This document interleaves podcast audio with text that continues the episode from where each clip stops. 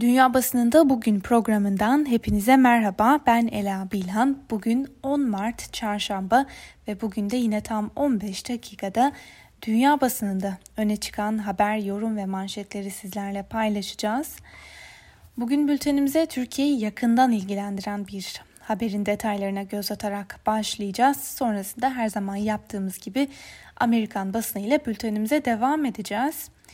Financial Times gazetesi Borsa İstanbul Genel Müdürü Hakan Atilla'nın istifasını gündemine taşıdı. Haberde istifa kararının ABD'deki Halkbank davası öncesi alındığına dikkat çekiliyor. Haberde davanın son yıllarda kötüleşen ABD-Türkiye ilişkilerini muhtemelen daha da geleceği belirtilmiş ve dikkat çeken şu sözlere de yer verilmiş. Türkiye Atilla'nın istifasını bir jest olarak görebilir ancak durum öyle olmayacaktır. ABD hükümetinden Halkbank'a yöneltilen suçlamaları düşürmesini isteyen Erdoğan, Joe Biden'ın ABD başkanı seçilmesinden bu yana uzlaşmacı bir tavır alarak NATO ortakları arasında daha fazla işbirliği içerisinde bulunduğu ifadesiyle devam ediyor. Türkiye'yi de yakından ilgilendiren bu haberin ardından bültenimize Amerikan basınıyla devam edeceğiz ve özellikle ABD'nin bir numaralı gündemine göz atacağız. Washington Post ile başlayalım. 1.9 trilyon dolarlık koronavirüs yardım paketi bitiş çizgisine çok yaklaştı. Temsilciler Meclisi Senato'nun kendi versiyonunu kabul ettiği 1.9 trilyon dolarlık koronavirüsü teşvik paketini bugün oylamaya hazırlanıyor. Salgının başında koronavirüsü teşviklerini destekleyen Cumhuriyetçiler Biden'ın desteklediği bu paketin maliyetini ise eleştiriyor.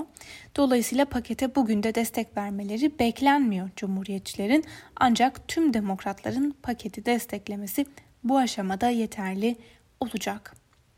Washington Post'a göre teşvik paketine adım adım yaklaşılırken paketin onaylanması da başka sorunları beraberinde getirebilir.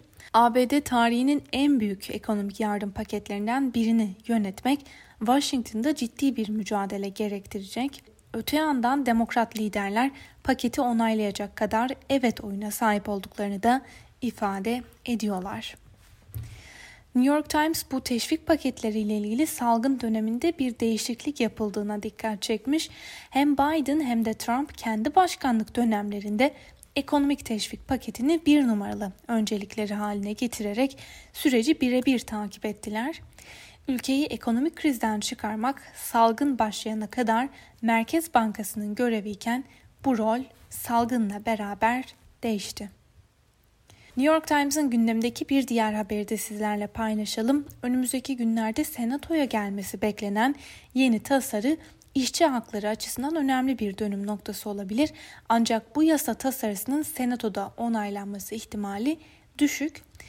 İşçi örgütlenmelerini destekleyecek bu mevzuat kapsamında işçilere yeni haklar verilecekti. Ancak muhalefet konumundaki cumhuriyetçiler şimdiden bu tasarıya yüksek sesle karşı çıkıyorlar. New York'ta hayat yavaş yavaş normale dönüyor. New York Belediye Başkanı Bill de Blasio, devlet liselerinin Kasım ayından bu yana ilk kez 22 Mart'ta yüz yüze eğitime başlayacağını açıkladı. Öte yandan New York'ta aşılama çalışmaları da tüm hızıyla devam ediyor. Skandallar yüzünden popülaritesini yitiren ve hakkında azil çalışmalarına başlanan Vali Andrew Cuomo, eyalet genelinde 10 yeni aşılama merkezi açılacağını da duyurdu. Voice of America'nın haberine göre Vali Cuomo hakkında New York Eyalet Meclisi'nin Cumhuriyetçi üyeleri azil sürecini başlatma kararı aldı. Ancak 150 üyenin 106'sı demokrat ve gelen haberlere göre demokratlar bu konuda cumhuriyetçileri desteklemeyi düşünmüyor. Buna karşılık Vali Cuomo da hakkındaki cinsel taciz suçlamaları ve huzurevi skandalına rağmen istifa etmeyeceğini söylemeyi sürdürüyor. New York Times'ın bir diğer haberiyle devam edelim. ABD'de aşılamalar hızla ilerliyor fakat içeride karmaşayı ve başka sorunları da beraberinde getirmiş bu durumda bu aşılama çalışması. Özellikle başka sağlık sorunlarıyla mücadele eden insanlar aşılara ulaşabilmek için yoğun bir mücadele vermek zorunda kalıyorlar. Washington Post'un haberine göre Cumhuriyetçilerin aşıya olumlu yaklaşmıyor olması aşılama sürecini yavaşlatan unsurlardan biri. Yapılan anketlere göre Cumhuriyetçilerin yaklaşık üçte biri koronavirüs aşısı yaptırmayı planlamıyor.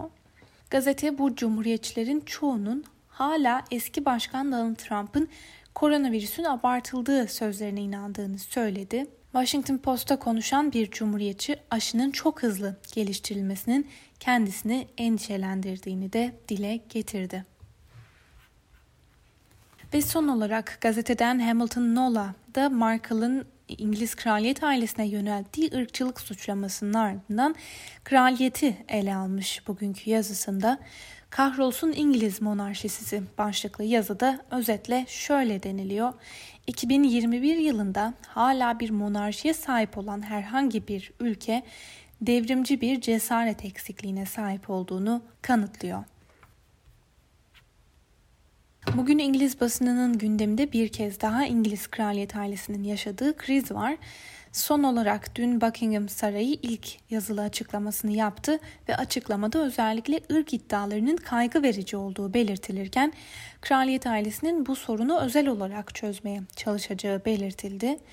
İngiltere'de ana muhalefetteki İşçi Partisi'nin lideri Keir Starmer, Meghan Markle'ın ırkçılık ve zihinsel sağlığı için destek alamadığı yönündeki iddialarının çok ciddiye alınması gerektiğini belirtti. Buna karşılık Başbakan Boris Johnson en doğru şey susmak diyerek yorum yapmamayı tercih etti. The Guardian'ın da The Times'ın da manşetinde bugün benzer sözler var.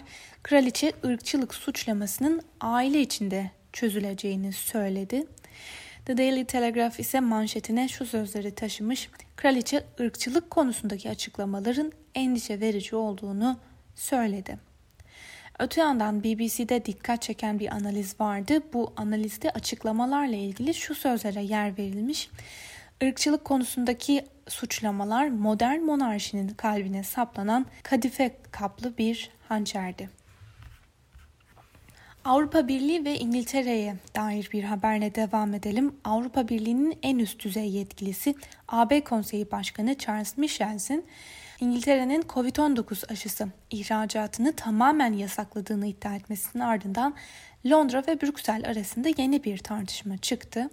İngiltere ise bu iddiaları yalanlıyor. Böylece İngiltere ve AB yılbaşından bu yana ikinci kez koronavirüs aşılarının üretimi ve dağıtımı konusunda karşı karşıya gelmiş oldu. Öte yandan AB liderleri aşı programının kıtada yavaş ilerlemesi yüzünden baskı altında İngiltere'de ise 22.5 milyon kişi yani yetişkin nüfusun üçte birine ilk doz aşı yapıldı. Alman Die Welt gazetesinin manşetinde bugün şu sözler var. Rusya'nın Sputnik 5 isimli aşısı İtalya'da üretilecek. Buna göre aşının İtalya'da üretilmesi üzerine anlaşmaya varıldı. İtalya'daki Sputnik 5 imalatının Haziran ayında başlamasının planlandığı ve yıl sonuna kadar 10 milyon doz aşı üretilmesinin umulduğu açıklandı. Alman Deutsche Welle'nin bir haberini de sizlerle paylaşalım. Avrupa Birliği tarafından yapılan bir araştırmaya göre Almanya başka hiçbir AB ülkesinin olmadığı kadar Rus dezenformasyon kampanyalarının odak noktasında bulunuyor. Rusya'da Almanya'ya yönelik yanıltıcı bilgilerin hem siyasiler tarafından hem de Kremlin'e yakın medya aracılığıyla sistematik kampanyalarla yayıldığı ifade edilen raporda bu bağlamda Alman politikacıların Rusya ile diyalogdan kaçınmakla suçlandıklarına da vurgu yapıldı. Rusya'ya değinmişken Rus basınının gündemine oturan iki haberle devam edelim. Rusya'da çocukların izinsiz eylemlere katılması için çağrı yapan paylaşımları kaldırmadığı gerekçesiyle 5 sosyal medya platformu hakkında yasal işlem başlatıldı. Carlos suikastı davasında karar verildi. Rusya'nın Ankara Büyükelçisi Andrei Karlov'a yönelik 19 Aralık 2016'da düzenlenen suikastla ilgili görülen davada 5 sanık ağırlaştırılmış müebbet hapis cezası aldı. Moscow Times'ın aktardığı haberde sürecin Suriye'deki tablo nedeniyle Rusya-Türkiye ilişkileri arasında ilişkilerin gergin olduğu bir döneme denk geldiği hatırlatılmış. Öte yandan soruşturma kapsamında Erdoğan'ın bir numaralı düşmanı olarak kabul ettiği Fethullah Gülen ve örgütünün cinayette parmağı olduğu ve iki ülkeyi sıcak çatışmaya sokmak için bunu yaptığı belirtilmiş. Tabii ki bu da Türkiye'deki savcılara dayandırılıyor. Al Arabya'da yer alan bir haberle devam edelim. Vergi rekabeti ve vergi cennetleri konusunda araştırmalar yapan Uluslararası Kuruluş Vergi Adaleti Ağı'nın son verilerine göre Birleşik Arap Emirlikleri ilk kez dünyanın en önemli 10 vergi cenneti arasına girdi. Bir diğer habere göre de 8 gündür Lübnan'da süren protestolar dinmeye başlamış gibi gözüküyor.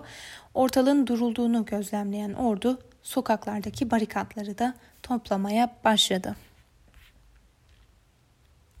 Al Arabya'dan Rami Reyes bugünkü köşe yazısında aşı pasaportlarını ele almış, dünyada tartışmaları ve eşitsizlik kaygılarını bir kez daha gündeme getiren bu yeni uygulama şimdiden herkesin peşinde olduğu bir yenilik.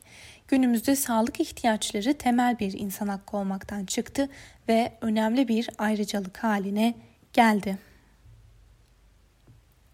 El Cezire'nin aktardığı bir habere de göz atalım. El Cezire'nin gündeminde bugün bir araştırma sonucu var. Buna göre Londra merkezli Save the Children Vakfı Suriye'de yaşananlardan etkilenen çocukların durumuna dair bir rapor hazırladı. Bu rapora göre çocukların büyük bir kısmı Suriye'de bir gelecek hayal edemiyor. Suriye'de yaşamak istemeyen çocuklar kendilerini güvende hissetmediklerini de dile getiriyorlar. Ülkeyi terk eden çocukların %86'sı bir daha Suriye'ye dönmek istemediklerini de söylediler.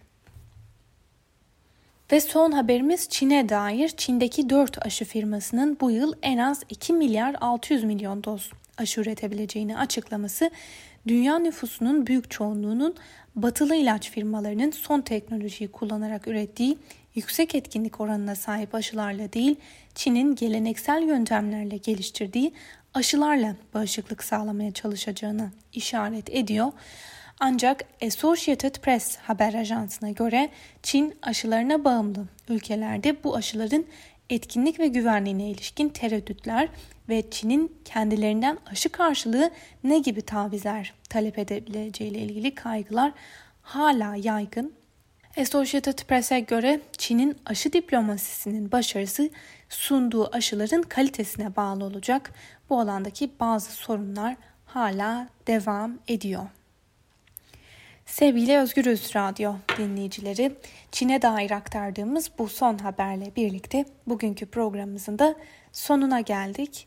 Yarın aynı saatte tekrar görüşmek dileğiyle şimdilik hoşçakalın.